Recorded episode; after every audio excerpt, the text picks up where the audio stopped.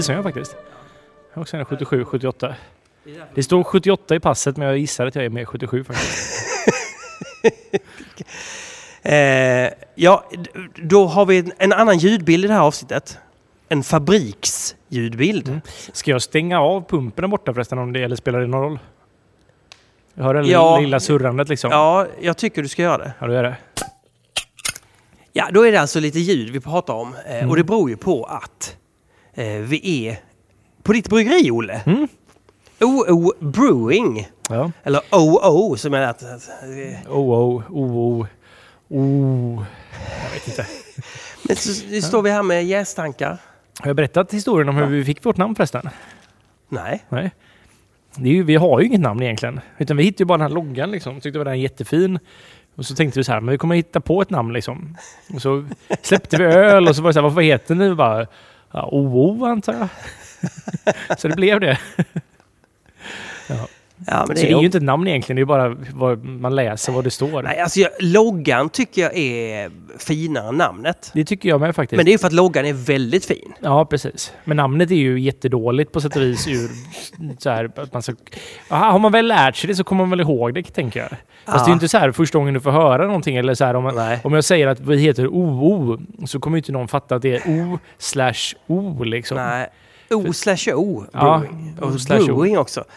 Ja. Ja, men om jag säger O slash O brewing så tror ju Mm. folk att det är O slash O eller så här. för jag pratar så snabbt. ja, det är svårt i alla fall. Och så även då för sökmotorer så är det ju jättedåligt för att när man, det går inte att söka på OO i stort sett. Till exempel på Untapped, om man söker på O slash O så hittar man inte vårt bryggeri. Vi är inte det första bryggeriet som kommer upp, vilket det borde vara. Men det är för att man inte läser in slashet liksom. Utan jag tror det blir som ett escape-tecken att den skiter i Ah, det som Vad står innan slashet det försvinner liksom. Så det blir helt enkelt som att man i praktiken söker bara på O. Ja. Ja. Så det, det var ju en dum grej.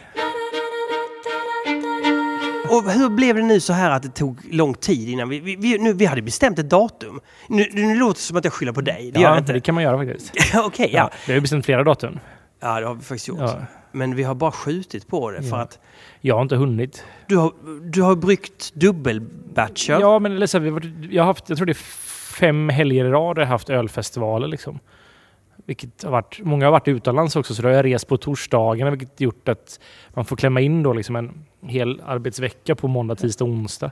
Men är du inte fruktansvärt trött? Jo, nu är jag jävligt trött på ölfestivaler faktiskt. För jag menar, eh, en, bara att resa bort en helg på det sättet utomlands allting. Med lite öldrickande kanske? Ja, en, en, del faktiskt. Eller? Ja, jo. Vadå, hur, hur mycket öldrickande? Ja, men ganska mycket. Det är ju en ölfestival så att man är ju där i minst 12 timmar liksom. Ja, om man vill prova och, och man vill prova prata. också där. Ja, prata Ja. och så här. Så att, Varutesta, så Ja, att säga. Som det heter. Ja. Ja, när man är. Just det. Och dessutom kommer nu All In Brewing. All in Beerfest. All All in in Brewings. Beerfest helt Ja. enkelt. Helt Så enkelt. Helt enkelt All in Beerfest. Ja. Mm. Okej. Vi kommer att premiera för en liten ny grej på All in Beerfest också. Som, Vadå? Alltså, jaha? Vi har ju hjälpt en kille här som heter Alex Ek. Vi har ju druckit hans mjöd förra Mm, gången när vi hade ja. den här provsmakningen. Ja, ja. Men han, han, han har fått börja göra sin mjöd här. Så att hans mjöderi då, eller Attic Meadery, Mm. kommer ha premiär för sin mjöd på All In Beer Fest. ja, vad roligt. Ja, så att, och han har då liksom, ja, så han står och jäser borta i ett hörn. Mjöden, helt Mm. enkelt. Så nu gör han det kommersiellt. Vilket är jätteroligt. Wow. Mm. Men samtidigt som det är, det här är inte riktigt... Vad ska man säga? Ja, det här är en väldigt sen tillkommen grej till All In Beer Fest. Men samtidigt så tänkte vi att vi, OO kunde... Lite OO i den titeln, men vi helt enkelt Mm. kunde passa på att släppa en annan grej också som är att vi... Jag har länge känt att det finns ett behov av att ha ett... När jag var på Stiberg till exempel Ja, så var det en väldigt fin dynamik tyckte jag med att jag jobbade för både OO och Stiberget. ja. Det fanns en, liksom så här att med o, eller Stiberget då så var det att man gjorde öl om och om igen med jättemycket West Coast, jättemycket Amazing Haze. Så att man, ja, det blev liksom så här, där var det struktur, det var liksom, Mm. det var ju inte struktur egentligen men det var Nej, men du fick chans att utveckla en öl under lång tid. exakt Ja, precis mm. sådär. Och det var som den rollen, så här, storebror, lillebror och OO då var ju lite mer som ett test, testgrej liksom. Att vi, så här, vi Ah. gick utanför, om Stiberget hade väldigt fasta så här, så här gör vi den här ölen för att det alltid ska vara smakar precis likadant. Så kunde jag med OO vara så här, om jag vill testa att göra den på det här sättet också. För att det kanske blir bättre. Alltså inte ändra, alltså ändra lite i processen och sådär. Du menar att du saknar redan experimenterandet? Ja, men precis. Sådär. Ja. Så att, och då och då, så nu har ju då liksom, nu är OO där, så här att vi gör ju rätt mycket öl. Vi kommer göra 250 000 liter det här första året. Mm. Vilket är mycket öl. Ja, ja. Och det, så jag liksom, den biten saknar jag lite grann så här. Så att, då tänkte jag, måste jag hitta på det nya OO i OO liksom. det, blir, det blir ett testbryggeri eller så här. Ja. Men det kommer, det kommer vara något, det kommer heta något helt annat. Kommer liksom inte, det kommer inte hänga ihop så jävla mycket med OO egentligen. Utan det kommer mest bara vara en sån här grej som finns vid sidan om. Men fast, det är ju de, de, det är ju de ölen man vill testa och se vad du kickar loss på, vad, vad du vill testa och sådär. Det är inte säkert. Alltså det handlar nu, för det finns många parametrar i det här, men jag tänkte att det var tiden, för jag har tänkt på det här jättelänge, att jag Ja. ville göra det här. Ja. För att OO har också sitt ramverk lite grann med identitet och vilka öl vi gör. Och vi slänger inte bara liksom så här, vi pruttar inte ur oss massa öl om inte vi tycker att de är väldigt, väldigt bra. Mm. Och det gör, det, så vill jag att OO ska vara. Mm. För det, det, det är liksom det, jag vill bara att det ska vara grejer jag är väldigt, väldigt stolt över. Men jag saknar lite den här med att testa sig fram med nya saker liksom, som man sen kan arbeta in i något annat. Liksom. Det kommer heta Symologic med Z. Symolog. Symologic. Vad betyder det? Alltså, det betyder ingenting tror jag. Men jag tänker så här att symologi är ju läran om jäsning. Ja. Så Symologic är någon som sysslar med... Det låter lite som ett så här 90-tals hiphop-namn också. Vilket är ganska gött. Men hela konceptet är så här att ingen öl kommer någonsin bli exakt likadan. Eller så här samma. Nej. Så att, och det, eller så är ju alla öl egentligen. Alla öl är unika liksom. Men det här tar fasta du- lite på det. Så att, Jag Nu- trodde att 50-50 var just det. Att det hela tiden blev en, en ny kombination. jo, men det är väl, man kan väl ha flera. Men det här är så här att... Mm. Så, här att, så nu då, vi kommer två öl. Ett Roff, Mm. som är Imperial Stouten. Ja. Som inte är fatlagrad nu då, men den, är, den ligger på fat. Så den kommer komma fram till den med mer fatlagring då. Ja. Och så kommer det vara en annan som heter One More Time som är en IPA. Som är ett... ja, Det är i stort sett Gbg Beer Week-receptet. Fast... gjort Mycket nu då. godare. Mycket godare. Nej, det, det får vi se.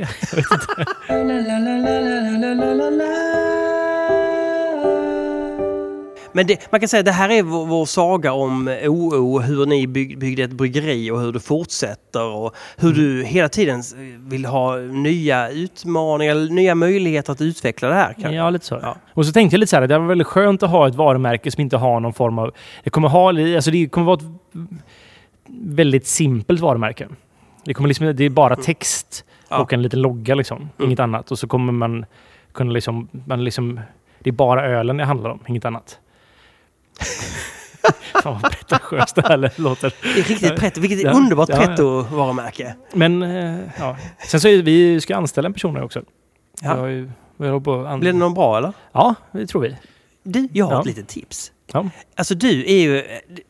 Man kan ju säga, ändå säga så här att du är ganska bestämd om vad du tycker. Jag säger inte att du är en besserwisser. Alltså jag menar bara att Det är exakt vad du säger Martin. då finns det ett väldigt bra knep. Anställ en tjej. Då har du alltså könsmaktsordningen som hjälper till att ha en balans i företaget.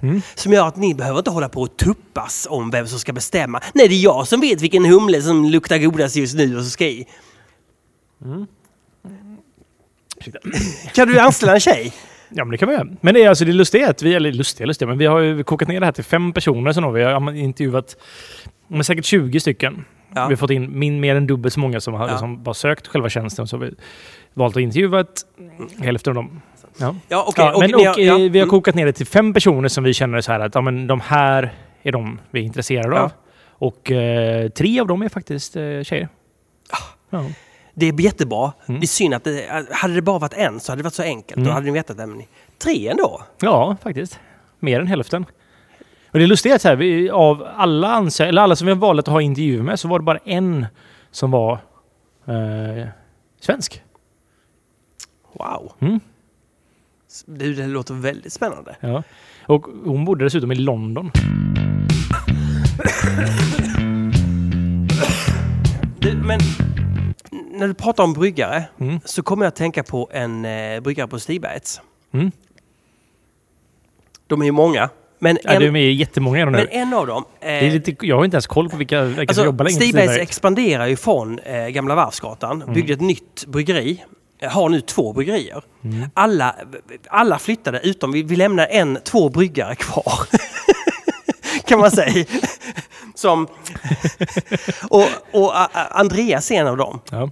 Och nu är det så att han har bryggt tre IPor som ska släppas nu till eh, All In Beer Fest och även till Stigbergets eh, förfest. Ja. Eh, och de här IPorna heter Träd, Gräs och, Och stenar. stenar, Ja. precis.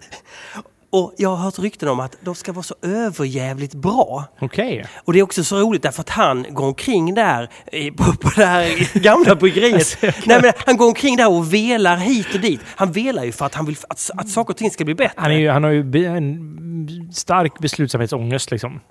Ja, och det är ju Ja. för att han vill... Han, han, han övertänker ju saker ofantligt mycket. Ja, och nu när man får höra att de här... Fast om jag ska vara helt ärlig så Ja. är det inte att övertänka. Det är Nej. ju bara att tänka mycket på någonting. Ja, jag kan hålla med. Ja. Så, Nu säger man övertänka, men det är inte att det, övertänka. det kan aldrig gå till överdrift, tycker du? Nej, jag tycker inte det. Såklart inte. Nej, men så jag tänker att det hade varit så jäkla gott om du och jag, vi kunde stå eh, i baren nu på Stigbergets eh, förfest eh, och smaka dem. Kanske Ja. spela in det och verkligen recensera ner dem ner på benet liksom. Ja. Och ge riktigt hård kritik till Andreas. Ja, men det kan vi. Det, ser jag fram emot mycket. Jag tycker ju så här att, alltså, att så här, Andreas är en person som har varit med mig eller så här, under hela min, eh, alltså så här i mitt ölnörderi. Sen jag som 18-åring började hänga på Rover så har ju Andreas varit där. Andreas är några år äldre än mig. Han är väl 79 kanske. Något sånt där. Han, eh, han jobbar ju på Volvo förut. Mm. Men han jobbade ett tag jobbade han faktiskt på Rover. Han tog ett så här sabbatsår från Volvo och jobbade där. Sen började han att göra öl istället. För han är ju involverad i All In Brewing faktiskt. Mm. Men eh, jag kan ju tycka att, eller så här, jag tycker att, jag tror jag sagt det här någon gång förut på podden, att, att Andreas började med öl. Det är typ det bästa som har hänt öl-Sverige någonsin. Det här är en person som jag brukar skicka mina hembryggarflaskor till när jag var up and coming hembryggare. Ja. Vem är den här Andreas? Han är Mm. en ren mytisk person nu. Sen Ja. är han ju extremt trevlig också. Den lilla detaljen, ja. Ja. Mm. På tal om allt detta Mm. så har jag ju fått en ny vän. Okej. Johnny. Johnny? Känner du Johnny? Nej. Jag jobbar på Stigbergets. Nej, jag känner... Ja, jo, men jag har träffat honom jag gjort. Ja, det är han en- engelsmannen. Ja, Ja. en av engelsmännen. Han är så sympatisk. Hans Mm. engelska är så fin och han eh, rättar min engelska på det högst trevliga sättet. Han hjälper mig. Min engelska är ju inte usel men jag hittar inte alla ord. Nej. Så. Så. Du har ju något band och grejer där du sjunger på engelska. Ja, hur som helst. Jag har pratat mycket om dig med honom. Okej. Inte mycket, inte så. Du vet eh, Olle, han, han eh, inte, inte den typen, utan snarare. Men Jonny, du, du borde ju jobba med, med Olle, eller, eller tvärtom. Ni, alltså ni, ni, ni kickar ju igång på samma saker, fast på engelska säger jag då. Eh, vad menar han? Ja, nu står du här och bygger ett bord i trä. Och vad ska du ha? Jo, du har importerat en kaskkran, äkta, från England, Angram kran som, han, som, som Johnny reparerar själv och ska eh, nu på den här förfesten nu som är på Stiberg Ja, på torsdag, ja. så, så ska de köra sin stout eh, eh, på några Mm. sådana där fat. Köra kask i den. Ja, ja, de eh, små fatlagrade Ja, grejerna. Ja, ja. ja. Den där Sleepy någonting. heter- Sleepy Tire, Tire Sleepy Bulldog. Nej, det är, nej, det är Gotland Det är? Gotlands bryggeri. Det är en helt annan öl, Martin. Ja. Vad heter den? Den heter... Den heter Sleep- Endless Ti- Tired Sleep. Nej. Sleep... Mm. Jag känner nu när jag står still lite grann. Jag måste... Jag, Måste röka jag, eller? Nej, men jag har nya skor och så här. och De är så här jag vet inte, har du sett sådana här snörningar någon gång Martin? Nej, ja, jag har sett det men jag har Ja. aldrig haft det. Nej, jag har dragit åt dem alldeles för hårt nämligen, så jag måste lätta på det. Du, Mm. nu testar jag ljudet. Hallå? Alltså, jag måste bara... Wow! Har du med dig ett papper upp liksom? Eller du har allt i huvudet såklart. När du häller i. Nej, men bryggloggen och sånt är alltid papper. Det är inte så att jag går runt med en padda och grejer och skriver saker. Varför inte? I våta miljöer Ja, och nej, så här. jag Jag, är väldigt duktig på att tappa saker också. Nej, jag, jag jag tappar man papper så blir det i värsta fall blött liksom. Ja. Mm.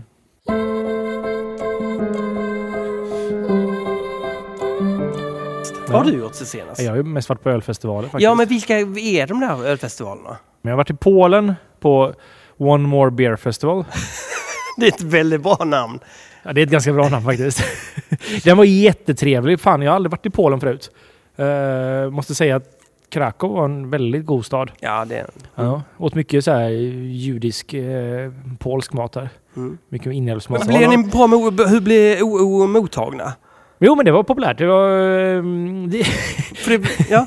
det roligaste var då Omnipojo var där också. ja. Så det var så här, eh, alltså Omnipojo brukar alltid ha en kö. Mm. Eh, så här, och brukar vara ganska, det är ju ett hajpat bryggeri. Ja, ja. Så, så här, och de är duktiga på att skapa någon form av så här masshysteri. Att, Mm. så här, svenskar framförallt ställer sig i en kö för att de vet inte varför. Utan de bara så här, oh, en kö här, här ställer jag mig, det måste vara bra här eller något liknande. Eller så. ja. Något inbyggt eh, hos svensken att man Mm. ställer sig i en kö. Mm. Eh, det här var det värsta jag varit med om. Det var folk, så det var inte kö längre utan det var kanske började som kö, sen blev det någon form av bara så här folk som stod och sa jag ska ha öl. Ja, det, var, det var fascinerande att se. så att, tydligen så gillar man väldigt mycket Imperial Stouts då med olika smaktillsatser i, eh, i Polen. Var det en känga åt Omnipojo? Nej, eller vadå för det? Nej, jag vet inte. För att de gör sånt. Ja, men det är väl helt uppenbart att de gör, eller? Ja, det kanske det är. Ja, det, det, de gör ju öl. Eller mycket Det var ingen känga Nej, nej, det nej, bara nej, det var bara konstaterande ett av- konstat Ja, rakt och inget. Alltså, nej, just här. Bra. Jag har varit i Italien Mm. två gånger, tror jag. Mm. Eurohop. har Precis, du- Europe som var förra året också. Sen har jag varit på en festival som hette Villaggio della Birra. Mm. Mitt ute i ingenmansland i Toscana. Alltså det, bland de vackraste, alltså det var inte, alltså det, när man gick till festivalen, det var faktiskt typ tre kilometer att gå. Ja. Så här, man kunde inte ta bilen dit för att man var tvungen att... Ja, Mm. Eller man kunde ta bilen dit men man var tvungen att lägga in den Ja. där då helt enkelt. Mm. Men eh, ja, det var helt sjukt vackert. Man bodde i någon sån här gammal, på en liten kulle liksom, så här, som, som det ser ut i Toscana. Det är bara kullar överallt. Men vad ger det då att vara på de här Ja, italienska det här då? var ju mest för min och Olofs skull faktiskt. Okej, det, det, det var semester. Men den Ja. på Eurohop då? Mm. Gav men- den nya bra kontakter, eller? Ja, men det gör det faktiskt. Man träffar mycket brygg... Eller så här, man, det är så mycket italienska bryggerier såklart. Mm. Och Italien säljer vi ganska mycket öl till. Sen även att man träffar barägare och sådana saker. Så att Mm. man... Ja, jag tycker det ger jättemycket faktiskt. Mycket gör- ja, men alltså, Fascister eller? nej, inte så mycket faktiskt. Nej. Eller det var ju väldigt... Området... Du var ju med förra året. Ja, ja, ja. ja. Så att själva området är ju väldigt fascistiskt. Det är, ju, det är inte Berlusconi, vad heter det? Mussolini heter han. Mussolini, ja. Ja. Mm, mm. Som byggde det där för länge Ja. sedan, 30-40-talet. Men, eh, jo. men jag brukar säga, jag, jag kan göra jämförelse med så här, som politiker som så här, knackar dörr, liksom, att man går ut och så här, pratar med folk, att man värvar folk den vägen. Mm. Lite är ju att besöka ölfestivaler som bryggare lite samma sak, att man träffar de här Alltså du får ju ofta chansen att träffa de mest hängivna Mm. entusiasterna. Och de kan ju, om de tycker om det du gör och du får chansen att förklara och liksom få ett band till dem Mm. så blir de som ambassadörer för OO då. Och kan ju i sig då sprida ölen till mycket fler. Yes. Så jag tycker det ger väldigt, väldigt mycket. Plus jag tycker det är väldigt roligt att prata med de här, de här personerna faktiskt. Alltså det finns inte så många i Sverige som är som en själv liksom. Men åker man utomlands så hittar man mer av dem. Stavanger har varit det också. Det var för, förra helgen. Ja. Ja. Men hur är det? Norge alltså? ja. Ja. Där finns ju ingen bra öl. Jo, men det, i Stavanger ligger ju Lervig. Ja, Okej, det finns Lervig. Ja, och sen precis. finns det ingen bra öl. Jo, men det gör det också faktiskt. Det finns Hornbryggeriet och det finns eh, Eikotid som gör... Ikotid. Ja, de gör ju bara Quake då. Ja. okej. Nej, men Ja. det, det finns massa bra bryggerier i Norge. Och Norge har en väldigt eh, bra ölkultur. Det var ju väldigt roligt också på just Eurohop då i Rom. Att Mm. Då stod vi bredvid Eikotid faktiskt Mm. och även i, via, bredvid Bådin. Och jag har aldrig druckit Bådins öl. Mhm. Jättesympatiskt bryggeri. Från typ Lofoten och liknande. Klappade de lite på huvudet för att det är liksom Lillebror Norge och sådär eller? Nej, det Nej. gör jag inte Nej. riktigt. Nej. Nej, förlåt, jag försöker skoja lite här. Nej, men jag, nej, jag vet inte hur det är. Alltså, eh, om... Det här med att man snackar om att Göteborg är liksom ölhuvudstaden i världen. Eh, I Europa, norra Europa. Nej, alltså, Sverige, Sverige. Ja. I, I Sverige kan man säga att vi är ölhuvudstaden. Vi har faktiskt Danmark med Köpenhamn väldigt nära oss. Så att jag skulle inte ens säga i en... Hur som helst. Ja. Eh, nej, men då kan man ju tänka att komma, åker man till Norge så kan man lätt bli eh, styv i korken. Eh, Nej, det tycker Nej. jag inte. och så i helgen nu var du på Smöf. Precis. Och Så, Smöf. vad är vad Smöf? Vad är, vad är det? Smöf är då, det är Söderberke. Ligger någonstans i eh, Dalarna. Ganska långt söderut i Dalarna. Ja. Tror jag det. Ja. Jag körde dit i helgen. Men, Ja. men eh, och sen så mikroölfestival. Så Söderberg mikroölfestival. Står det för. Så det här var 15 året de arrangerar Oj, den här festivalen. En mikroöl. Ja, precis. För det för små bryggerier helt enkelt. Men hur är den festivalen då? Om du Alltså, jämför- det, var, det var fantastiskt var det faktiskt. På vilket sätt? Alltså, Ja, men för att den var så... Det här är så gam, mycket gamla skolan öl. Det som jag blev förälskad i när jag började dricka öl för Mm. ungefär lika lång tid sedan faktiskt.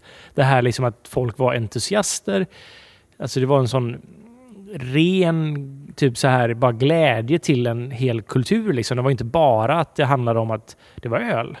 Och det fanns ingen, så här, det, det, var, liksom- det fanns ingen hype i ölen på något sätt utan det fanns bara att folk gjorde saker Mm. som ursprungligen kom från något traditionellt men att man var lite nyskapande inom detta och fick liksom, ja, alltså det finns, det fanns en upptäckarglädje i det hela liksom att man kunde, är inte en nyckel småskaligheten, tänker jag också. Att man blir så mycket närmare sin produkt och det är lättare att vara ödmjuk och...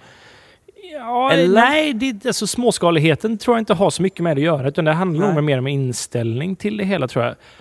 För så här, eh, guldskummet då som varje år delas ut på den här festivalen Mm. är då mässans bästa öl. Mm. Och det är en väldigt fin typ av prisutdelning för då blir det att först får man rösta, eller de som är besökare får rösta på vilka öl som ska finnas med i den slutgiltiga vad ska man säga, bedömningen då. Mm. Där det faktiskt är riktiga öldomare som bestämmer vilken öl som vinner. Ja. Så det är lite 50-50 där då. Och då vann Oppigårds Ugo som var en eh, ett samarbete med eh, North Coast Brew, vad heter de? Engelskt bryggeri i alla fall. Den var jättebra Ja. den förtjänade att vinna. Mm. Men det var också roligt att Oppigårds är också 15 år gamla. De har ju då funnits parallellt med varandra. Oppigårds är idag Sveriges största mikrobryggeri.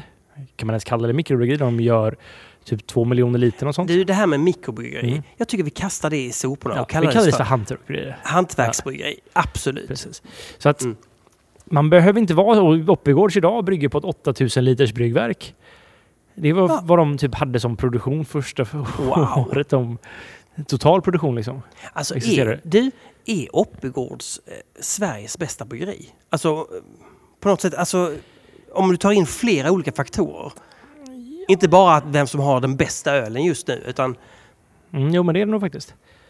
Det som de är väldigt, väldigt bra på ja. är att de hela tiden kan förnya sig själva. Ah. Alltså, det finns ju en grej med att så här få en one it wonder Mm, och sen typ mjölka skiten ur den mm, och inte vidareutveckla sig eller läsa in vad som händer runt omkring och sådär. Alltså, omvärlden förändras ju alltid. Och just nu så förändras det väldigt, väldigt snabbt inom öl. Så det är väldigt viktigt att så här, lyssna på vad som faktiskt händer och vad som sker. Och, men man, man får ju alltid hitta sig, man får ju ha sin egna, alltså sin egna, sitt egna varumärke, sin egna storytelling eller vad man ska kalla det, Mm. eller så här, hur, egna narrativ med ett varumärke. Och Oppigård kör ju det jättebra, att de, så här, de började med väldigt klassiska ölstilar och har hela tiden lyssnat på vad som är nya ölstilar mm. och gör det fortfarande med, inom sitt egna varumärke. Vad som är så här, aldrig ut så att de helt plötsligt så här att vi gjorde det här, nu ska vi helt plötsligt försöka göra det här. Det finns den här, jag vet inte om du sett den bilden på när det så här, jag vet inte var det kommer ifrån, men det är en meme när Steve Buscemi står med skateboard och med keps och typ så här försöker se väldigt ung ut. Fast det misslyckas totalt. Liksom. Det är väldigt lätt att man blir Ja. det bryggeriet som Ja. har ingen koll, men så här, ah, kidsen gillar det här nu eller liknande, nu ska vi försöka göra det här och det är helt taktlös. Oppigårds har aldrig någonsin varit taktlösa, utan alltid så här Mm. bara lyckats förnya sig själva och göra öl som passar samtiden. Alltså Olle, du pratar så att man börjar älska Oppigårds. ja, men jag tycker väldigt mycket om Oppigårds. Ja. Ja,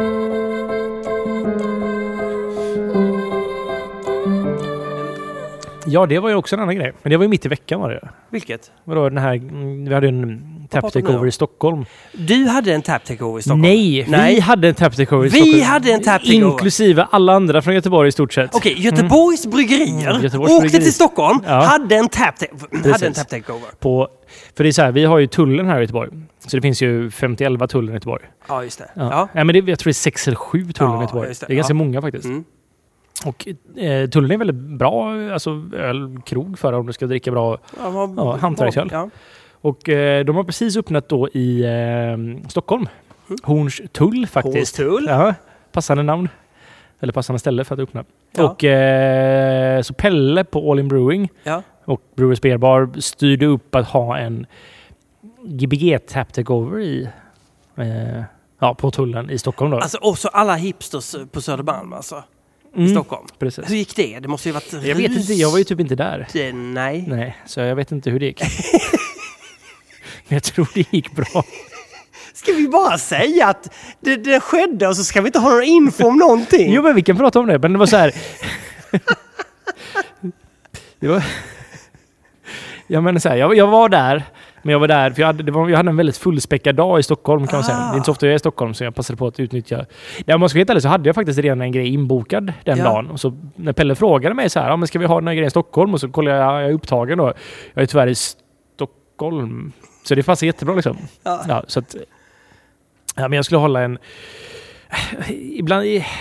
Alltså vi, vi hade tackat ja till att hålla en ölprovning för lite eh, här, investment bankers i Stockholm. Ja, men vad är det här? Ja men det är ju så här, det var bara att hålla en ölprovning i Ja. typ 45 Och, du, tim- och när, när du sa timmar. så här, vill du hålla en ölprovning? Så sa du nej, men när du hörde, är det investment bankers? Jag kommer, eller vadå? Men det är så här, de betalar och så kommer vi liksom. Ja, ja. Mm, så mm. Ibland funkar det så också liksom. Och jag vill åka till Stockholm faktiskt. Det var så här, det var länge sedan jag var där. Så att eh, jag skulle även göra det, så då var det den här grejen. Och så typ, ja men vad roligt så här, då kan vi hänga på den här Tap Takeover samtidigt efter jag varit på den här ölprovningen då som jag har hållit. Eh, sen kommer eh, Irina, som du känner också, Mm. som vi alla jobbade med tillsammans på La- Palazzot. Som är på Brooklyn. Brooklyn Brewery hon Ja. nu. Så hon, eh, hon, så hon har ju hand då om eh, Garrett Oliver när han är i i stan. Mm. Och eh, Brooklyn har ju även ett samarbete som är då är ett bryggeri som heter Nya Carnegie-bryggeriet. Ja. Och på, på Nya Carnegie så jobbar CC, Christian Eichner, som har Ölpodden. Ölpodden? Ja, vår stora konkurrent. De skulle spela in en livepodd Ja. inför publik. Jaha. Och så skulle det handla om humle. Så Mm. det var liksom CC och Garrett Oliver. Och så bjöd de in mig då för att vi skulle Mm. prata om humle. Helt enkelt. Jaha. Ja. Hur gick det då? Ja, Alltså, Garrett Oliver har skrivit till Oxford Companion to Beer. Ja. Som är alltså ett uppslagsverk för öl. Allting ölrelaterat. Så här, han är ju en extremt kunnig person inom öl. Ja. Och när vi skulle hålla den här inspelningen då så skulle vi prata om IPA. Och Mm. då blir det väl lite upplägget att jag skulle stå som för den nya typen av IPA och han kanske står lite grann för den gamla typen av IPA. Han var ju med och uppfann IPA. Han var med och tog fram att IPA skulle bli en... Jaha. Oj. Ja, ja, herregud. Alltså, det är så här... Ja. Brooklyn var ju de som de var ju väldigt tidiga med att göra en IPA för länge sedan. Mm. Så det var ju väldigt... Jag, alltså det här var ju en väldigt stor grej för mig personligen att få Ja. hålla en inspelning med Garrett Oliver som är en av de absolut kunnigaste och mest så här... Men alla, alla de sakerna du säger nu låter ju bra. Ja. Eh, men hur var han så att säga i framför en mikrofon och så vidare? Alltså jag är jätte, jätteduktig men det blev... Det enda som jag kan tycka att blev Ja. lite tråkigt var att det blev väldigt mycket att han pratade om massvis med kunskap om IPA liksom. Som Ja. han har. Att han Ja. pratar... Och jag kan massor om IPA också men inte så mycket. Jag tänkte att vi skulle ha en lite mer dialog om så här IPA. Vad är det som händer? Det är vår ånggenerator som eh, Ånggeneratorn? en gång varannan timme så blåser den ut sig själv. Helt enkelt.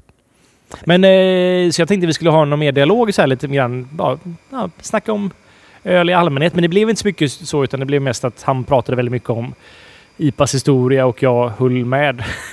typ. ja. Man kan Ja. lyssna på det avsnittet om man vill. Om man tröttnat på den här podden. Var på en, eh, jag var på en eh, tap takeover på Hisingen. Mhm. Då säger krögaren där, en, av- en, en av, eh, säger att ehm, nu kommer Carlsberg med ett eh, tryckluftssystem Mm. så att man ska låsa krögarna ännu mer till deras öl. För då kan man bara ha en viss typ av... Jag har hört talas om det här faktiskt. Alltså för innan har man haft så här flottörsystem. Eh, Flottörsystem. Flottör, flyttör, flyttör. Eh, så man kan byta till vilken öl som helst. Ja, ja, de har ju haft vanliga kegs liksom. Ja. Ja, alltså vanliga fat. Det är inte, det är inte inga flottörer. Nej, okej. det. Van- haft Vanliga fat Men att, att nu de här, att, nu ett storföretag Men de ska ju gå in... typ börja med keykegs. Jag tror inte det är keycase, men det är, principen ska vara densamma. Tror jag. Det är engångsfat. Det jag tror det är en påse i dem. Ja. För att du ska kunna använda tryckluft. Du behöver inte mm, tillförse koldioxid. Det är ju en stor vinst. Alltså, alltså, jag kan lite... Jag har hört talas om det här. Första gången jag hört talas om det var min generation. Det här är ju typ det dummaste som någonsin har... Så här, det, här, det här stämmer inte för det är så fruktansvärt korkat. Liksom. Jaha. Alltså, det här går inte ens att beskriva. Vad, vad är det som är korkat? Alltså... Tänk dig, Carlsberg säljer fr- jävligt mycket öl. Ja. Och att då liksom... Det ska vara engångsfat. Det är ju först... Det är, ju, alltså, det är hos dem som det blir värt att ha stålfat. Ja. För att det är faktiskt rent ekonomiskt och även då liksom ur en um, miljöaspekt. Liksom. De har säkert hittat ett jättebra system som är jättebilligt för dem. De har ju räknat på det här. Det är ju företag som bara räknar på pengar. Men jag, och jag har också hört att det ska vara 20 liters fart nämligen. Nej men, Och men det, ja, och det jag tänker är så här att många ställen säljer ju rätt så mycket öl av de här. mm. Så att, tänk om du har 20 liters fat. Och så ska du liksom så här, och så säljer du en stor stark hela tiden. Mm. Och så måste du springa och byta detta hela tiden. Mm. När du sålt 50 öl så måste du springa ner och byta fat. Ja. Tänk dig på en krog som säljer mycket öl, typ Hagaby till exempel, om du skulle haft Carlsberg. 20 liters fat. Jävlar vilket springande det blir att byta fat och så blir det Ja. luftbubblor i ledningen och så får de så här lite spill innan och efter. Och så typ. Medan om du har stålfat, då har du stigrör i dem, ingen påse och du kör då koldioxid. Då kan du seriekoppla fat. Mm. Så du kan ha tre stycken 30 liters fat. Som, så det är 90 liter som seriekopplas liksom. Sen måste du byta. Ja. Men då kan du... Jag, jag tänker att om någon på Carlsberg lyssnar på detta, kan ni inte bara eh, mejla in, alltså under, gärna under Insta, någon Instagram-post på kommentarerna, det är trevligast, och få ett ganska långt svar om, om hur det här fungerar. Ja, det hade varit väldigt roligt att höra vad... Men, här är min teori. Ja. Så här, för jag har också hört att det ska vara de här 20 liters faten. Ja. Och om det är så att det är 20 liters fat Ja. det handlar om. Ja. Så är det så här för att enligt Arbetsmiljöverket, de som kommer att se till om att så här, du får inte, de, man får inte lyfta mer än 20 kilo eller liknande. Då är ju för, du- 30 liters fat väger ju 30 kilo ju! Nej, de väger mycket, mycket mer för att de har stål. Mycket, mycket mer! De har 30 kilo Ja. öl i sig, plus Ja. mycket, mycket mer. Så att jag tror det här handlar om att så här, att det här är personer, ja, men det här är personer Ja. som suttit ner, kollat på någonting och så här. Det här och det här och det här ska vi göra för att det här är i teorin det absolut bästa vi kan göra. I praktiken helt ohållbart. Men de tänker på de stackars människornas ryggar när de ska bära. Nej, men jag, jag, de har fått massa variabler som de måste ta hänsyn till och tänka men nu ska vi göra ett nytt system och så gör vi så här. Det här är, jag har jobbat med IT innan. och i 90 procent av alla IT-projekt så Ja. sker just det här. Man har ingen förankring i verkligheten. Man sitter på sina höga hästar som utvecklare Mm. och tycker att man vet hur personalen ska jobba med system. Yes. Det är alltså det största arbetet med IT-system är förändringsarbetet att gå över till ett nytt system. Där har du ju öppen planlösning.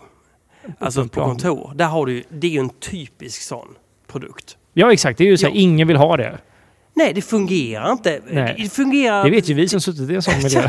Alltså, alltså det fungerar inte på... Det fungerar lite, lite grann. Det är klart att det finns någon liten, liten vinstgrej. Men det är så, förlustgrejerna är så oändligt många fler alltså. Ja, Precis. Och det, precis. Och det, är- öppen planlösning är att man har... Man ser ju massa ekonomiska vinster med det. För att en anställd tar upp mindre plats så det är mycket billigare att ha dem på det sättet liksom. Som Ja. en form av boskap som man bara. Men, Här är er hage, ni får vara här. ja, liksom. men det är ju en Ja. förlust i det stora hela eftersom människor blir avbrutna i sina tankar som gör att man kan genomföra Precis, sitt men jobb. där har man ju då som ekonom då, eller de som har beslutat att det här ska göras, att de har intalat sig själva att det här är jättebra. Så, så typ så här skohornar man in massa bra sidoaspekter som inte stämmer liksom. Ja, du, Det är exakt vad jag tror den här... Och här tycker jag vi ska ta in farbror Foucault igen. Va? Mm. Vi skapar ju våra sanningar. Det vi behöver tycka, det kommer vi också börja tycka. Ja. Och vi kommer att hitta argumenten för det. Hela tiden är det så. Jag gör det, du gör det, alla gör det. Precis. Olof på Canman Ja. kom fram till mig och sa Du Martin, jag har haft det mest intressanta samtalet någonsin Ja. i mitt liv. Med Det Olof. tror jag inte han sa i och för sig. Nu tror, tror jag du överdriver lite grann faktiskt. Han pratar om eh, dry hop creep. Ja, hop creep kallar jag det för. Hop creep. Ja. Det, det, det lät så jäkla intressant. Alltså att man, att man eh, torrhumlar och då gör torrhumlingen att långa eh, kedjor eh, Mjöl, mjölkkedjor? Nej, vad fan, vilka? Ked, långa kedjor! Vill du fortsätta gissa eller? Nej, men jag vet att det var långa kedjor. Ja, Blev korta och då kunde gä- gästen komma igång igen. exakt. Men vilka kedjor var det? Alltså så här då, i humle så Ja. finns det både socker och det finns eh, enzymer. Och det är ju ganska enorma kvantiteter humle vi har per gram öl nu för tiden. Ja. Och det är ju, när vi gör de här hejsiperna så Mm. får vi ju med väldigt mycket av humlepartiklar och eh, även jäst in i förpackningen. Inte så mycket jäst hoppar jag, men ändå så här. Det, det finns, den är ofiltrerad så det finns Ja. där. Ja. Ja. Och det som händer är då att när vi har så här mycket humle ja. så... Alltså socker jäser ju såklart. Mm. Men det hoppas jag jäser under själva torrhumlingen. För Ja. jag, jag ser ju alltid någon för det blir ju aktivitet under torrhumlingen, Mm. att det, det fortsätter jäsa liksom. Ja. Ja. Och även då, men där finns det också då att enzymerna i humle Mm. har en eh, förmåga att spjälka komplexa sockerarter. Alltså långkedjade sockerarter. Långkedja. Till exempel maltotrios som finns i öl. Maltotrios är en långkedjig sockerart som inte jäst, eller alejäst ska jag säga, Mm. eh, kan ge sig på. Det finns då Saccharomyces var diastaticus Jaha. som är en typ saisonjäst och sådana saker. Den kan till exempel jäsa den typen av eh, socker. Ja. Vilket gör att varför, det är därför saisons är så fruktansvärt torra. Liksom. Ah. Det är en anledning. Men då, det är ju inte den gästen jag använder nu. Den använder jag ju vanlig engelsk Ja, elgäst. ja. Och den kan inte jäsa. Det, liksom, det här är oförjäsbara sockerarter för den typen av jäst. Och det är det som skapar den kroppen i öl. Och även... Alltså det är inte en söt smak per definition. Liksom. Det är, Nej, det här är nej. dextriner. Liksom. Så det är, men det som händer då med humlens enzymer är att de kan bryta ner maltotrios Ja. till glukos, maltos och typ alltså förjäsbara sockerarter. Så då, och Så- då kan det börja jäsa igen? Exakt, för det är ju ofiltrerad öl, så jästen finns ju där. Så helt plötsligt så finns det mer jäst. Eller eh, så, förlåt, men då finns det mer socker för jästen att faktiskt jäsa. Wow. Och detta är ju en grej som händer med tid Mm. och temperatur framförallt. Men händer det alltid menar du? Ja, det här händer. Det här är någonting som jag har varit ganska... Jag, fick, jag kommer ihåg första gången jag fick höra talas om detta. Jag tror det var väldigt tidigt i... Ja. Det finns, det finns forskning för länge sedan Mm. som har det här att det här kan hända. Okej. Det är ingen som någonsin någon har brytt sig för det har varit Nej. sån här, så här, men det är ingen, vi har inte haft någon process Nej. som gör att det här blir en möjlighet. Så antingen har man Nej. filtrerat ölen eller så har man haft klarningsmedel så det har varit Mm. så här att ja, det är, så här, det, det är så fruktansvärt ut i kanten att ingen Ah. bryr sig. Nej. Men nu då när vi gör de här New England-iporna och, eller som jag vill kalla dem för, eller så som jag vill kalla mina egna öl, Haze-ipor, att Mm. då blir det här helt plötsligt en ganska viktig faktor. Mm. Och jag såg ju det här på Stiberget att det var ganska ofta, så här, speciellt på sommaren då, när det var lite högre temperaturer, för då de här enzymerna, Ja. de blir mer aktiva. Det är som att snabbspola den här processen. Ah. Liksom. Ja, ja, ja. Att då blir det ju som att, Mm. ja, då blir det här helt plötsligt så här aktuellt. Så jag kommer ihåg att vi hände med så här, varför är ölen överkolsyrad? Det smakar inte som det är en infektion i ölen Nej. och sådana saker. Och jag har faktiskt skickat nu mina öl, för jag har ju märkt då det här när vi hade sån extrem varm sommar. Ja. Ja. Så jag har ju märkt det här på ölen och jag skickade den faktiskt på analys. Ja. Och han, Craft Labs då, som finns här i Göteborg har ju då kollat efter att först och främst fanns det Saccharomyces var diastaticus. Vad- Jag tror man säger diastaticus. Diastaticus. Det är väldigt svårt. Men vad innebär det att, att det, det är ju fanns? då är det den här saison... Eh, eh, Aha, ja, ja. Som om jag- den är infekterad med en Saccharomyces-variant. Liksom. Ja, ja. För det kan ju vara så att om till exempel vi har buteljerat en saison innan Ja. så måste jag rengöra min maskin jävligt noga för det är nästan Ja. som att använda någon form av bakterie i maskinen. Ja. För att den då skulle liksom så här, den, den kan ju jäsa Mm. andra sockerarter som Yes. en annan öl som kommer sen kan Mm. inte jäsa. Ja. Men eh, det var det inte. Det var det inte. Nej. Men däremot så såg han ju väldigt tydligt i sin, om man nu så här, skickat det till en HLPC tror jag det är som är så här, eller H, ja, en förkortning i alla fall. Med HLPC PC i förkortningen någonstans. Ja. Kanske inte var rätt ordning nu, men det, då kan man se så här vilka sockerarter som finns kvar. Det är en spektrometer, så här, mäter ljus och sådana saker. Mm. Och då kan man se vilka sockerarter som finns, vilka olika ämnen som finns i ölen. Och där då så kunde man se då att jag skickade också lite kontrollflaskor och visste att inte här hade skett på. Mm. Så att det var så här, de ölen som var kontrollflaskorna så var det så här, här, så här mycket maltrios finns det. En stor stapel med maltrios. Helt normalt för en öl liksom. Så här, Ja. Med schema som är normalt Ja. så finns det en liten. Men däremot de andra ölen då, så var det hälften. Oj. Så det betyder att någonting har liksom ätit upp, eller spjälkat den Mm.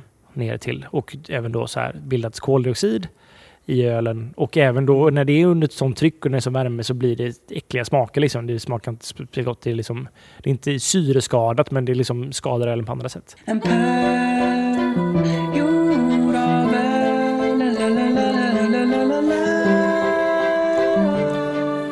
är det dags för frågor. Är det dags för frågor nu? Nu är det dags för frågor. Då har vi fått in lika många frågor som tidigare. Ja. Men den här gången kommer vi bara skära stenhårt. Precis. Spara de allra sämsta frågorna till en kommande Det här är ju en jättebra idé tycker jag för övrigt, att vi faktiskt sparar de sämsta frågorna till ett specifikt program där vi bara svarar på de absolut sämsta frågorna. Ja, och när vi säger de sämsta frågorna så är det egentligen de övriga frågorna. Exakt. För det är ju faktiskt nästan... Det är väl bara bra frågor? Det är mest egentligen. bra frågor faktiskt. Ja. Eh, Chokadoris skriver, håller med tidigare om hur, hur Olle tar fram recept. Det här har jag glömt allting om. Men i alla fall. Eh, men undrar också om vilka sorters humle som används i pivot och Mm. äkta pils. Pivot är alltså en eh, pils Pilsner. och äkta pils är en pilsner. Det är också en pilsner. Ja, Ja. okej. Eh, ja, men det här var ju två frågor ändå för att den syftar på frågan som var innan här. Och då. den skrev ju Antenn som skriver, hade varit kul att få höra en utläggning om hur Olles process för att ta fram ett helt för att ta fram ett nytt recept ser ut. Hur maltnota, humleschema och så vidare bestäms. Mm. Ska vi börja med vilka sorters humle det är de här? Alltså jag, jag vet inte om vi ska svara på den andra för det är en sån jävla lång fråga liksom. Vi kanske ska spara just den frågan. Den första frågan, Ja. som var den andra då ja. Ja. Nej, men berätta då vilka humlesorter du har i I Pivot så är det SAS. SAS. Är den SAS. tysk eller? Nej, den är tjeckisk. Oh, tjeckarna. Det Mm. ja. Sen så eh, i äkta pils så är det Hallertauer Mittelfru. Bara den? Ja, jo, i Pivot så är det lite Perle som bittergiv också. Men Ja, ja, men nåja. Ja. Du menar att det här din process, det vill du inte prata om nu? alltså det, det är ett långt svar. Ja, Ska vi ta det? jag tycker det. Ja, då gör vi Alltså det. hur ser din process ut? För mig är det här en väldigt filosofisk fråga på något sätt. Så här. Det är ju liksom att Först måste det finnas ett behov att varför jag vill göra en viss öl. Det är inte så att jag tar fram ett recept för att jag tar fram ett recept utan jag måste ju ha en Ett behov? jag måste ha ett behov av att säga jag vill göra en ny öl. Och var det behovet, eller så här, det som den här känslan av att nu vill jag göra en ny öl. Ja. Som inte är en öl, för alla öl är någon form av koncept. Liksom. Alla har ju Mm. en väldigt tydlig, så här, eller jag har en väldigt tydlig bild av att varför just den ölen existerar. Mm. Nu kan man säga 50-50 existerar ju för att vara varje 50-50 har ju inte det utan själva konceptet 50-50 har en Mm. väldigt tydlighet varför som jag vill ha. Medan alla andra öl vi gör har en extrem så här att det här är vad jag vill åt med den här ölen. Mm. Och då måste det uppstå någonstans så här att jag vill komplettera allt det här. Jag vill ha en, en, en ny, ett nytt koncept liksom. Mm. Där då ett recept ska passa in. Så jag måste ju säga att det är inte värt att skapa ett recept. Nej, men hur får du den lusten till någonting då? Ja, men det, ja precis. Och det, Ja. det är jättesvårt. Det kan ju vara... Eh, ibland så är det när jag dricker en öl som jag tycker är jävlar vad bra det här. Det här vill jag också göra. Du, som när vi var på Eurohop förra året och drack en Steinbier för den här, för den här Gatten, vad heter han, Gattenkäller? Genstaller. Genstaller. Ja. Är det därför du bryggde en Steinbier nu? Nej, Alltså, Okej, nu spårar vi ur lite grann, men vi kan faktiskt berätta om Steinbeer-bryggandet. Det var väldigt roligt. Eh, Ja, gör det. Okej.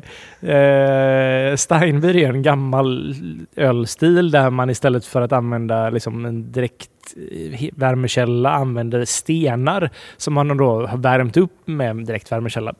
Ofta på en öppen eld eller liknande. Och så att stenarna då kan ju, de kan bevara så mycket värmekapacitet liksom. Ja, Så man sänker ja. ner dem i, ja, i vörten då för att Mm. koka vörten helt enkelt istället för att man eldar under. Det är eller så här. jättepraktiskt ju. Det, är- ja, men alltså, det, anledningen var att det var praktiskt som början. Ja. Mm, så att, ja. eh, och i stenar ju, blir ju då som en ingrediens för att det finns ju faktiskt massa, Ah. massa smaker på stenar och Ja. sådär som kommer sätta sig Bajs pratar vi om. Vi pratar Alltså, ja, men, myror och... Ja, alltså, ofta så är det här väldigt stora stenar tror jag, traditionellt sett. Ja, ja. Men vadå, du tog en gatsten då? eller? Ja, det här var gatstenar var det. Okej, ja. Men det hela grejen så här, det är inte jag heller, utan det här är ju då Fredrik Berggren Ah. som vi har pratat om tidigare. Det är Mm. Double Bastard Beer Blog, Mm. eller Double Bastard som vi kan kalla honom. Han Ja. är, han var med och skapade Svenska Ölfrämjandet Ja. och Gbg Beer Week och sådana grejer. Han är en, ja, en, en gammal räv i Öl-Sverige. ja. Men eh, han bjöd in mig eh, och några andra till att bygga Steinbier hemma hos honom. Som hembryggningsgrej då. Ah. Så det var så här, det var Vad roligt. Fredrik från Bearded Rabbit, eh, Mm. Peter Eronsson från eh, han, han skriver massa ölböcker och sådana saker. Mm, Det är väl mm. han som skrivit Ja. flest ölböcker i Sverige skulle jag gissa vid det här Ja, laget. ja. Och sen även Simon, men han har njutningsfrämjandet. Ja. Så han har öl, ja men så här hembryggarkurser, han har även liksom så här, han har rundvandring i Göteborg där man kan Mm. boka om man så här vill gå en ölrundvandring och liksom Mhm. lära sig lite historik och även besöka bra barer och få sig en Mm. öl helt enkelt. Så det kan jag rekommendera. Ja. Men vi var där i alla fall och bryggde öl hemma hos, eh, Pet- eh, hos eh, Fredrik. Mm. Och eh, då var det en, vi skulle brygga en Steinbier helt enkelt. Så att Hur vi, gick det då? jo men det gick bra förutom att vår pH-mätare inte fungerade så bra så att vi, det var väldigt konstiga pH-värden.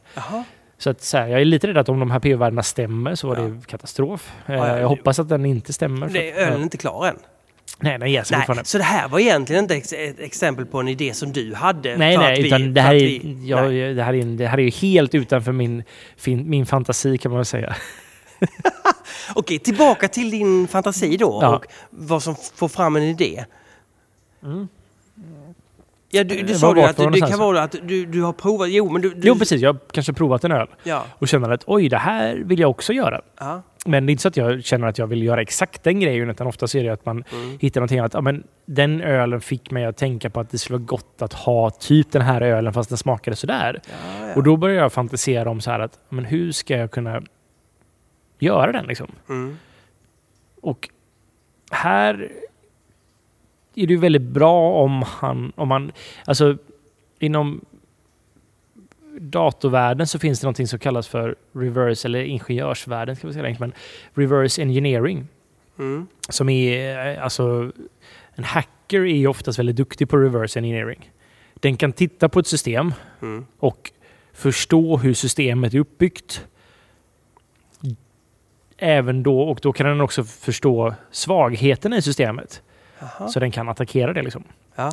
Men så det jag gör är att jag kanske då, om jag, så här, om jag tyckte att den här ölen var väldigt bra Mm. och jag vill göra någonting liknande fast min egna, med, min egna smak på den. Liksom. Ah, ja, ja, Så då, det börjar först att göra att dekonstruera den här ölen eller liknande öl eller öl som är det här det spannet någonstans. Mm. Och så här försöker förstå mig på hur de är uppbyggda. Hitta svagheten och göra, förstärka den svagheten så du gör en Jag bättre. har ingenting med att hitta svagheter. Inga svagheter, nej, nej, utan nej. Är, Med systemet, gå in i ölens system och nej. nej men man det, men nej. typ förstå hur. Men då måste du kunna ingredienser, du måste kunna och det här hjälper det att jag har bryggt så här, jag bryggde väl 120 batcher som hembryggare Mm. och jag har bryggt 600-700 batcher. 700-800 är nog som kommersiell bryggare. Mm. Att man har, man har en ganska god kunskap om. Desto mer du kan, liksom, desto lättare är det att dekonstruera någonting. Liksom. Men du ska också ha lite känsla för att kunna göra det. Och den biten handlar väldigt mycket om att jag har läst så fruktansvärt många recept Mm. av öl Mm. på nätet. Och det är en fantastisk community som finns med att man som hembryggare delar med sig av öl. Mm. Det är därför jag gillar det här med open source. Jag gillar att man, jag har inga hemligheter med öl. Nej, utan att just det, just för att faktiskt kunna liksom så här läsa recept och se hur de är uppbyggda och när andra bryggare släpper sina recept Mm. så är det som att så här, ah, ja, det är så och så, ah, okej, ja, men då kan jag förstå en koppling där. Ja, men det här Ja. receptet som jag ser där nu, Mm. det är det som smakar. Så jag liksom, då har jag den kopplingen typ så i minnet och då är det lättare att dekonstruera någonting. Mm. Så att det viktigaste är att man, man läser jättemycket, Läs så mycket recept du kan. Alltså bara, alltså bara titta på recept. Även om det känns meningslöst att bara läsa alltså så här, hur de gjort en öl. Så här, vad, det är bara liksom att se proportionerna, att få en liksom så här, man får en intuition för det till slut. Mm. Typ. Typ så. Ja. Det är liksom hela den processen. Men Ja, och sen så, men, och då, sen så vill jag ju hitta min egna touch på det. mm. Vad jag vill att det ska vara. Som, alltså jag vill ju ha att den är som att bara göra någon annans öl. Eller göra en kopia på någon annans öl. Det är inte för mig speciellt uppfyllande liksom, utan jag Nej. vill ju ofta hitta en jag vill ju ta det vidare någonstans. nej. Jag skulle inte säga att det blir bättre eller sämre, utan det är bara att jag vill göra det på mitt egna sätt. Liksom. men du, Så man måste hitta den grejen, och den är väldigt personlig. Har du aldrig velat testa att göra någon annans öl för att lära dig Just för att hitta hur den har gjorts och sådär. Det där kan ju finnas Jo, också en alltså, lärande ja. i, Jo, men- i den meningen. Och det är så, som hembryggare gjorde jag det här jätte- jättemycket. Ja, ja, okej. just Och det. så det var så här, jag kommer ihåg. Och det, jag, det gav mig vissa ha-upplevelser verkligen så här. Ja, ja. Mm. Det var så här, jag hade gjort en, en eller två porters innan. Och så släpper Thomas Bingebo sitt recept Mm. för Göteborgs Porter. Mm. Som jag tycker är den bästa porten i Sverige. Liksom. Ja. Att, och jag, jag kommer ihåg så bryggde den hemma. Mm. Och det blev fan mig... Det blev, det blev verkligen... Det smakade precis som den. Jag var Ja. så här... Oj! Herregud, det smakar precis... Eller alltså inte Ja. exakt, Nej, men ändå nej, ja. så pass nära att jag, jag kunde se skillnaderna. Men Ja. jag kunde också se här, Ja. men det här beror på mina egna brister som hembryggare. Det här, men Anna, det är så jävla nära det här. Det var verkligen så här, fan det går. Det, här, är- det var ett sånt tillfälle när jag kände att fan man kanske kan göra det här. Mm. Då var jag kanske på batch 30 någonstans där. I min Mm. hembryggarkarriär. Men du, när Antenn skriver så här att han vill ha reda på din maltnota, humleschema, hur, hur du bestämmer det. Ja. Alltså, Det är väl din erfarenhet bara? Du vet ju vad, vad du gör om du har den typen av... ja, jo men alltså, ibland så är jag ju så här att nu då gör jag något helt nytt liksom. Men ganska ofta så håller, eller som när det kommer till IPOR så har jag ju hittat så här ungefär, alltså det är ju inte den, det är ju, Ungefär, du har hittat ett... ett ungefärligt Ja. koncept liksom och en process. Så det håller mycket men jag försöker ju alltid att så här vidga det hela. Så att och det här tror jag vi pratat om tidigare, att det är väldigt ofta i början när man gör ett nytt recept så kanske man har massor med olika maltsorter eller så att man tar ut svängarna ganska mycket och så här. Och sen så liksom pendlar det med tiden inåt så att det blir en snävare och snävare profil på ölen. Mm. Man hittar de, de, de grejerna i receptet som var... För det här är det så underbara om att kunna göra mycket av en öl. Att man faktiskt lär sig typ, ah, men det är den här maltsorten, det är den här humlen, det är den här grejen som gör att det blir det som jag tycker är viktigt med den här ölen. Och då kanske man skalar bort någonting som man inser var, det var ganska onödigt. Jag hade med det från början för att jag inte riktigt visste vad jag höll på med. Och så, ja. Men det är olika från olika öl. Det här är, ja. Swedish Beer Geek. När det kommer till IPA så är min antismak jordighet, earthiness. Nu vet jag inte riktigt varför Swedish Beer Geek översätter jordighet eh, om earthiness skulle vara någonting Ja, annat. men det var viktigt att han gjorde det faktiskt för att earthiness är en väldigt vanlig beskrivning av Ah, eh, humle. Liksom. Smart. Aldrig riktigt kommit underfund med var den kommer ifrån. Typ av humle, humlekvalitet. För mycket malt kontra humle. Den jordiga smaken är rent generellt mycket vanliga förekommande för en IPA av Juicy Haze karaktär producerad här i Europa jämfört med en USA Mm. dito av klass. Vad va, va, vad, vadå? Vad, Det här är, är en jättebra ställd fråga tycker jag. är, det, är, det, är det mer vanligt? Alltså vadå? Mm. Men just den biten är ju... För att det, när jag brukar prata om grusighet, det här med att slicka Ja, ja. på en vägdammsgrej. Det är det han menar tror jag. Men, och, vadå, Ja. och det gör vi mer här i Europa? Ja, men vi har ofta sämre kvalitet på humlen här i Europa än vad de har i USA. Är det så enkelt? Ja, det kan vara så. Och det här tror jag handlar väldigt, väldigt mycket om att...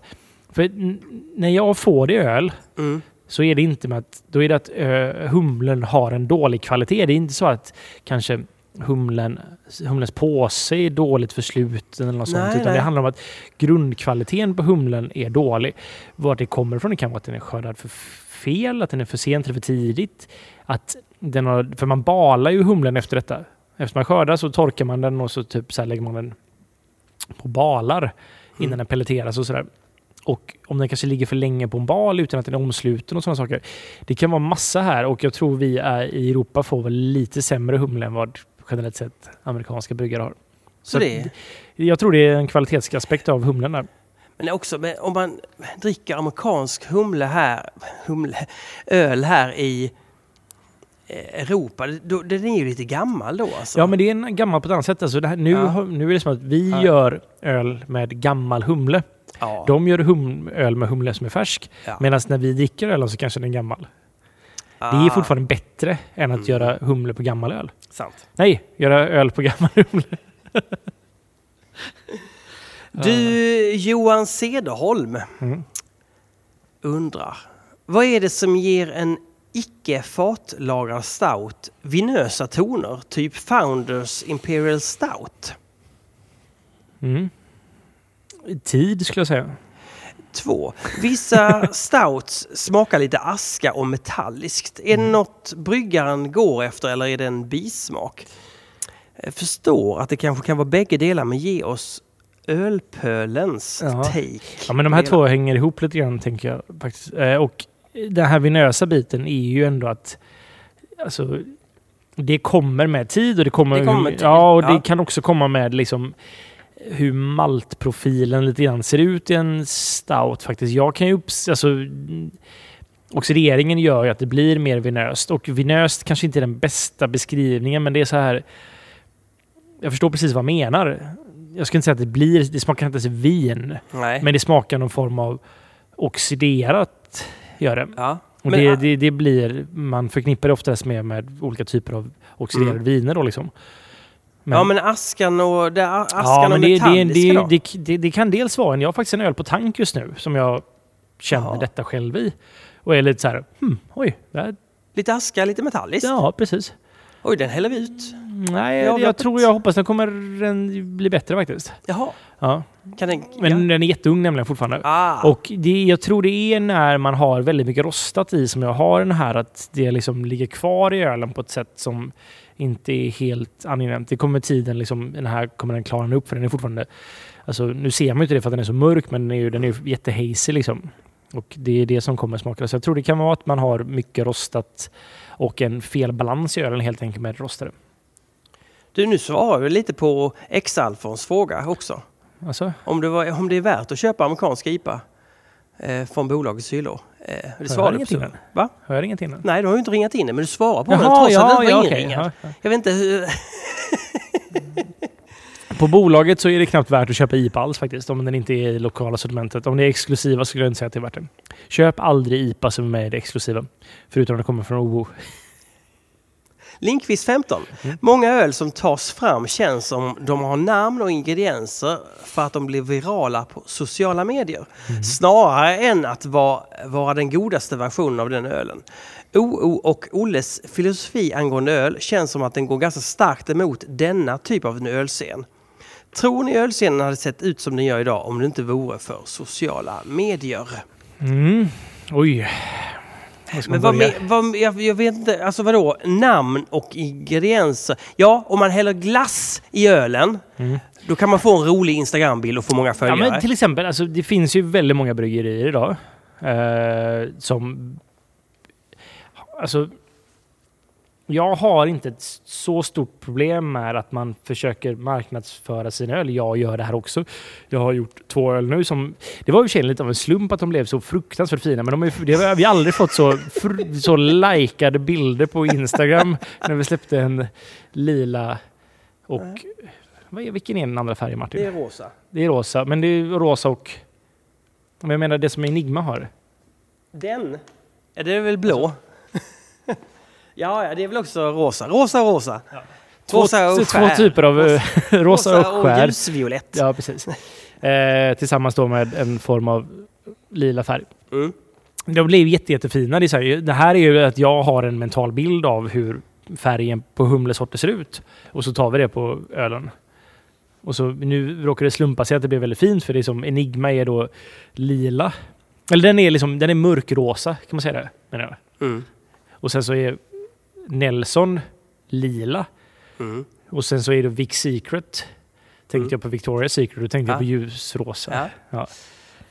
Så att det blev väldigt fint och det, det, så här, det gick väldigt hem på Instagram och det, det fattar jag och det måste man ju liksom någonstans. Man måste ju som ett bryggeri göra öl som folk tycker ser bra ut eller att de köper helhetskonceptet av en öl. Ja, Alltså man hela förpackningen så här. Och jag, många av mina öl är ju mer att jag kanske har lite mer högtravande, att jag vill faktiskt göra en mer, ett mer ett statement som kanske jag vet att det här kanske inte går hem helt och hållet. Men det är ändå... Ni kommer ju inte undan det faktum att ni säljer ölen i en burk.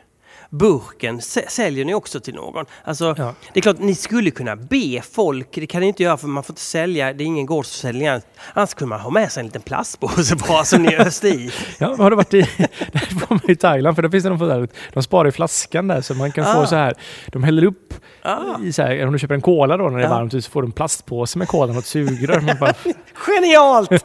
Genialt! Men det är så här, till exempel då Mm. Symologic som vi pratade om tidigare i Ja. programmet. Eh, tänker jag ska... Där ska det vara så här, det är väldigt rent varumärke bara liksom så här. Ett namn, ett nummer, en kort beskrivning och information om ölen. Typ så här ABV och Ja. eh, stil. Men, Det är allt som finns. ja, men det är ju också oerhört designat i Exakt, sin... det blir ju så här, man, Ja. man slår ju knut på sig själv liksom. Ja. Men sen så finns det ju andra bryggerier som gör någon form av så här använder sig av de, de, det här är ju någon form av, jag kan tycka att det här är en ganska, det finns en Det- smakfullhet. Ja, men det finns väl också en annan sak. Om det finns en kärlek till att jag har gjort en produkt, jag vill att den ska ha en fin burk. Det är ju en sak. Men om det är så här, jag har, jag har gjort en produkt, nu vill jag att den ska sälja. Vad ska vi hitta på för någonting som är eh, spekulativt? Och- men Det är en annan... Precis, det är en annan sak. Och när jag, alltså, jag kan ju tycka att till och med det är okej att göra så länge man har en balans i varumärket. Alltså jag tycker du har blivit så otroligt liberal och jag vet inte. Vad, vad är... Alltså, jag föredrar såklart att man inte gör det här, men jag förstår det att man gör det. Lockelsen är ju ganska stor just Ja. nu i alla fall, för nu är det en tidpunkt där allting flyger. Du kan ju i stort sett stoppa vad fan som helst i en öl. Mm. Och för jag förstår att man så här som en, om man är, alltså vi har att vissa personer bara så här, ja men hur långt kan vi ta det här? Och det är jättespännande att de försöker göra det här, men de, så länge man har en viss, att du gör riktiga saker också, så är det lugnt för mig. Och jag tycker det trevliga ändå är att gör man en riktigt, riktigt bra öl Mm. så kommer det kommer att fungera i Ja, sig. Och det är det som... Eller? Ja, men fast jag blir lite ledsen så här. Jaha, Just blir- nu, nu, nu finns det ändå bryggerier som egentligen bara satsar på effektsökeriet. Som i, enligt min tycke och smak Det går väl inte bra för dem? Jo, men de gör ju faktiskt ganska hypade och... Alltså jag kan inte dricka ölen, men många andra tycker de är jättegoda liksom. Åh, nu vill man höra. Man vill Ja, höra. men jag vill inte ta upp det, utan det är Nej. så här, det är bara Nej. att... kom, fram, kom fram till Olle på, på nästa fest så kan jag viska i örat. Eller? Nej? Nej, kanske inte. Nej. Kom inte, fram, kom inte fram till Olle. eh, eh, Nej, men det blir så här, det har gått för långt då när man bara har Mm. effektsökeriet så här, utan att det finns någon form av... Alltså... I min tycke och smak då. Att ölen inte smakar överhuvudtaget ens i närheten på bra liksom. Nej, fy Ja. alltså. Och man har helt tappat själva liksom, den här balansen med att göra... Vad, vad, vad, vart är, vad är viktigast? Liksom? Att synas och höras eller att skapa någonting som är bra. Ja, idag kan man... Mm. Ja. Du, Pontanelli undrar, vad är det fullaste ni har blivit på öl? Hur mycket drack ni? Hur fulla blev ni? Vad minns ni av fyllan? Mm. Hur står sig den fyllan i jämförelse med andra fyllor? Ja. Ehm, det var många frågor i en där tycker jag. Ja, Ja. alltså... Vill du börja Martin? Ja, ehm, det vill jag. Jag eh, hade, ser, du, ser du den här eh, jackan? Nej, eller vad är det? Vad är det? En eh, kofta? Ser du hur sliten den är? Ja. Jag började på Vargen eh, 2005, va? 2004. Det står alltså vargen på Martins tröja nu. Ja. Ja. Det var en reklambyrå i Gamla stan i, i Stockholm. Jaha. Ja, eh, och då var det ju att det blev någon sorts julfest på en fransk eh, restaurang i Vasastan. Drack du öl på en fransk restaurang? Du, jag drack nog alla möjliga drycker. Okej. Och sen åkte jag hem. Men det här var ju en fråga specifikt om öl. Okej. Vi tar oss till Lund. Jag är student. Jag och eh, Stefan Brun, vi går in på Ariman och vi sänker öl. Det här, då var det inte vin, det kan jag säga dig. Vi sänker öl efter öl och jag blir superkär i servitrisen. Och jag ramlar raklar ner på golvet. Jag skrattar. Sen kramar jag Stefan. Jag går ut i Lundagård. Jag kramar, jag kramar eken som står där. Jag sjunger mig hem till väster på Lund. Jag kramar en lyktstolpe. Jag, jag hoppsar mig. Alltså, på ett sätt kan man säga, hur full var jag egentligen om jag kunde gå hela vägen hem? Så att det här kanske var, det här kanske var min bästa Mm. och, men, och fylligaste fylla på ett sätt alltså. För det var så tidigt också, jag var så ovan vid det. Ja. För Ja. Den, här, den här vargen-festen var ju en blandning av drycker. Alltså. Ja. Det är ju i och för sig oftast det om man är riktigt för full så är det oftast man har... Alltså, det var... När då, alltså, att om, jag, om jag har blivit riktigt, riktigt full så är det oftast inte att jag har blivit riktigt, riktigt full på bara öl. nej. Utan då är det ofta så här, jag kanske börjat med öl. Ja. Och sen så typ så har man blivit ganska full och så är det väldigt, väldigt trevligt, väldigt roligt och så börjar man dricka andra saker och så man glömmer man av att det inte är öl. ja, men du, nu, nu är ju frågan, vad är det fullaste ni blivit på öl? Ja, precis. Så Men jag vill bara säga så här att Ja. det finns en farlighet i det här att man Ja. blandar liksom. Ja. För att man faktiskt, eller jag i alla fall kan bli väldigt, väldigt full om jag ja. fortsätter dricka och tror att det är öl fast det inte är öl utan det är vin eller i värsta fall då starksprit helt enkelt. Någon kommer med en shotsbricka. Precis, så man typ så här. Ja. Men du, jaha, så vad är det, vad är det, vad är det, vad, vad, när... ehm, ja, Mm. har du något att välja av egentligen? Alltså det fullaste jag nog har blivit på öl någonsin är nog när jag var typ 14 Ja, och det var nyårsafton. oj, Ja, ja. Ja. Och då blev det öl helt enkelt. då drack jag Ja. jättemånga folköl och var jätte, jättefull. jag tror faktiskt ingenting har toppat det. Det var, det var, 14, men dina föräldrar då, vad sa de? Ja, de var inte så jätteglada faktiskt. Om man ska Nej, helt det var så, nej, ja. nej, det var faktiskt inte alls populärt. Det blev lite ansträngt där, Ja, i Anderssonska hemmet. yes, det blev det. Ja, Ja, jo. det var... Eh, ja, det var inte så roligt faktiskt. Ja, är det något ni brukar ta upp så här på familje? Ja, det är lite, man kan prata om det lite mer, mer med glimten i ögat nu faktiskt. För de, jag kommer ju faktiskt hem då. Jag trodde att klockan var fruktansvärt mycket när jag stapplade hem. Liksom. Ja. Men det, det var den inte, utan den var ganska tidigt på kvällen. Det var efter tolvslaget i alla fall, men... det var ändå så att mina föräldrar också hade fest. Och jag, det enda jag minns är att jag stapplade upp för trapporna. Mm. Jag bodde på andra våningen i ett landshövdingehus i Majorna. Och Jag stapplar upp i trapporna och liksom så här verkligen ligger i trappan och så här krälar upp och så typ tittar jag upp och så ser jag min far som bara har öppnat dörren och står och tittar på mig så här. Kom. så här ta de sista stegen ut. och att jag... ja. Mm. Som sagt, jag... Ja. Men det var också bland så här, då hade jag druckit folköl tidigare i mitt liv. Den, jag kommer ihåg den kvällen drack vi Björnebryg. Tror jag det heter. Den här isbjörnsölen. här. Ja, ja, den var ju så här, Den finns fortfarande va? ja, det, så, det kanske den gör. Den är fruktansvärt äcklig. Jag minns att det smakade jävligt mycket järn i alla fall. Ja, och eh, smakade väldigt illa på vägen upp också, kommer jag ihåg.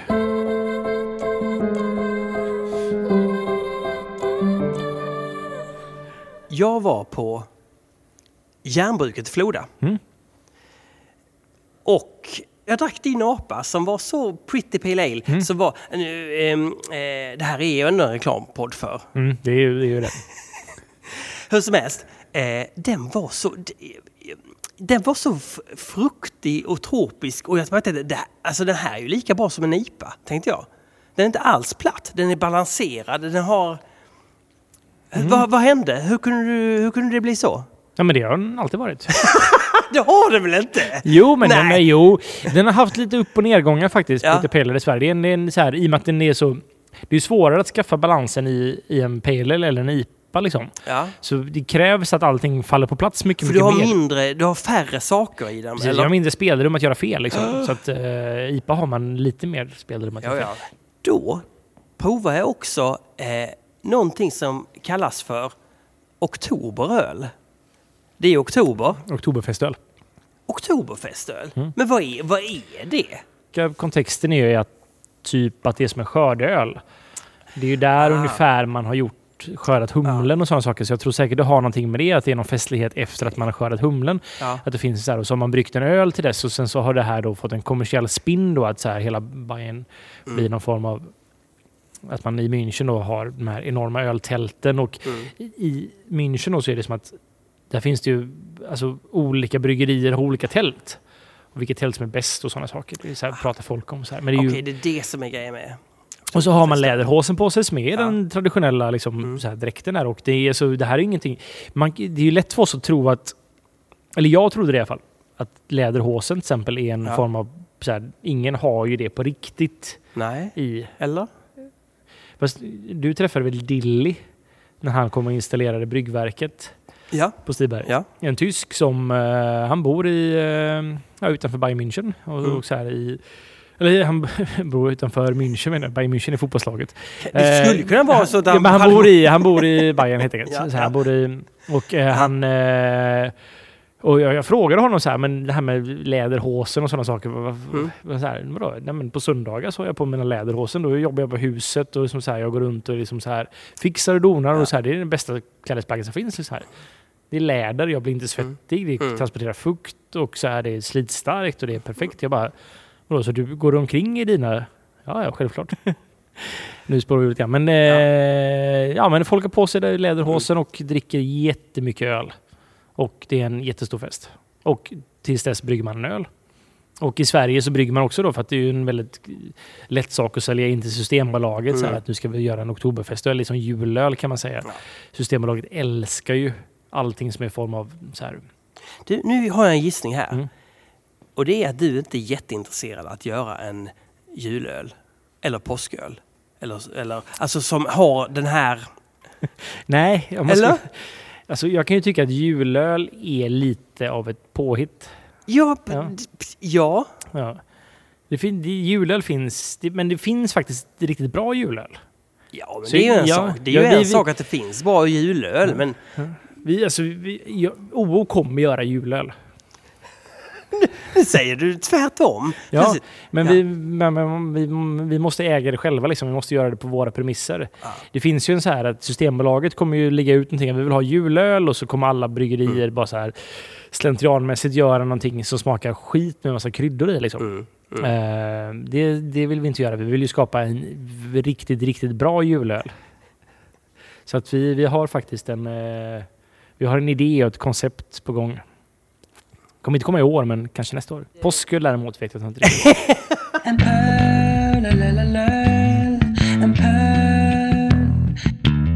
Nej, alltså det här med tiggeriverksamhet. Mm. Eh, att vi, vi gör någonting och så får vi... Varför, varför ska vi ha patrons? Varför kan vi inte bara göra det här? Som eh, goda samhällsmedborgare. ja, alltså, Eller kan vi det? Eller, ja, men det kanske vi kan, men det är, så, det är ju roligare om vi får betalt för att vi gör det. Tycker jag. Eller, ja, man kan ju också gå in, man, man skulle kunna gå in så här att OO bara, och vi tjänar OO, tjänar jättemycket på att den här podden kommer ut. Mm. Eh, och så skulle ni betala mig då, ni börjar ge mig en, en peng, alltså en Men det är reklamfinans... ju, ja, precis. Ja. Fin- Ja, men alltså en reklamfinansierad podd. Men då, då skulle jag vilja gå in och säga, låt inte OO göra detta mot den här podden. utan gå in som Patreon. Eh, på alltså patreon.com så blir en, alltså en givare. Man, man kan ge då en dollar per avsnitt till exempel. Jag föreslår eh, tre. Jag tycker tre är en ganska... Eh, tre gånger åtta spänn, eh, 24 spänn per avsnitt. Eh, men jag en dollar, inte dåligt det heller. Så, så, så, så blev vi liksom inte köpta. Precis, det är ju skönt om vi kan göra det här utan att ha en sponsor. Kan jag tycka. Så länge Nu är det, alltså, OO är en lite av en sponsor, det måste vi ändå säga faktiskt. Ja. Vi pratar rätt mycket om OO, jag, OO, vilket jag är en, en Ja. del av. Vi mår ju bra av att vi pratar om OO det här. Olof, Olof kom in på kontoret och sa att jag var anställd av OO på grund av det här. Så att, ja, och det kändes ganska härligt. Ja. Mm. Och den här veckan får vi inte tacka Ida. Nej, just det. Nej. Nej.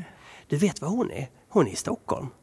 Hon kommer att köra sju stand-up-gig i Stockholm Är det sant? den här veckan. Alltså, det är så roligt att jag har inte sett Ina stand-up här, men jag kan tänka mig att hon är jättebra Alltså, på det. Du, gå, då, alltså den utvecklingskurvan liknar ingenting jag har sett. Men det är väl lite så konstigt. Ina är ju en väldigt intelligent person liksom. Du tänker så ja. Och Mm. hon är väldigt rolig. Det är, inte, det är, så här, det är väl inte så svårt att... Eller så här, Nej, man, man tänker att egentligen hon är kan, det. Ja, Det är helt logiskt. Ja. Alltså om man tänker på det sättet. Ja. Ja. Då, och innan eh, vi avslutar så undrar jag bara, det här med folköl. Kan det någonsin bli gott alltså? Om, om det är eh, hantverksbryggt. Jag tycker bara det, det misslyckas och misslyckas och misslyckas. Förutom den här första veckan när den är gjord. Då är den god, sen blir den dålig. Sen blir den så här överkolsyrad. Det är min prognos alltså. Det kommer aldrig funka. ja. Ja, jag har ju börjat tro mer och mer på system, eller på uh, folköl faktiskt. Ja, Mm. då så. Och så ska man gå med i Humlefrämjandet. ja men det är väl är det inte humle... Nej, det är inte... Det är, de, de, de främjar inte ölfräm- humleodlingar. Nej, Nej, det är inte humleodlingarna nej, de Svenska ölfrämjandet. Ölfrämjandet ska vi gå med. Så hörs vi ganska snart va? Ska vi hålla tiden den här gången? Ja, det kommer bli bättre nu. Nu ska inte på ölfestival lika mycket. Nu är det All In Beer Fest. Sen så är det någonting i Antwerpen. Men det är lite senare. Du, du har ju jättemånga saker inbokade. Men Nästan december- inte åka Men i någonting. december så är det lugnt. När det var jul och sådana saker. Ja, det var.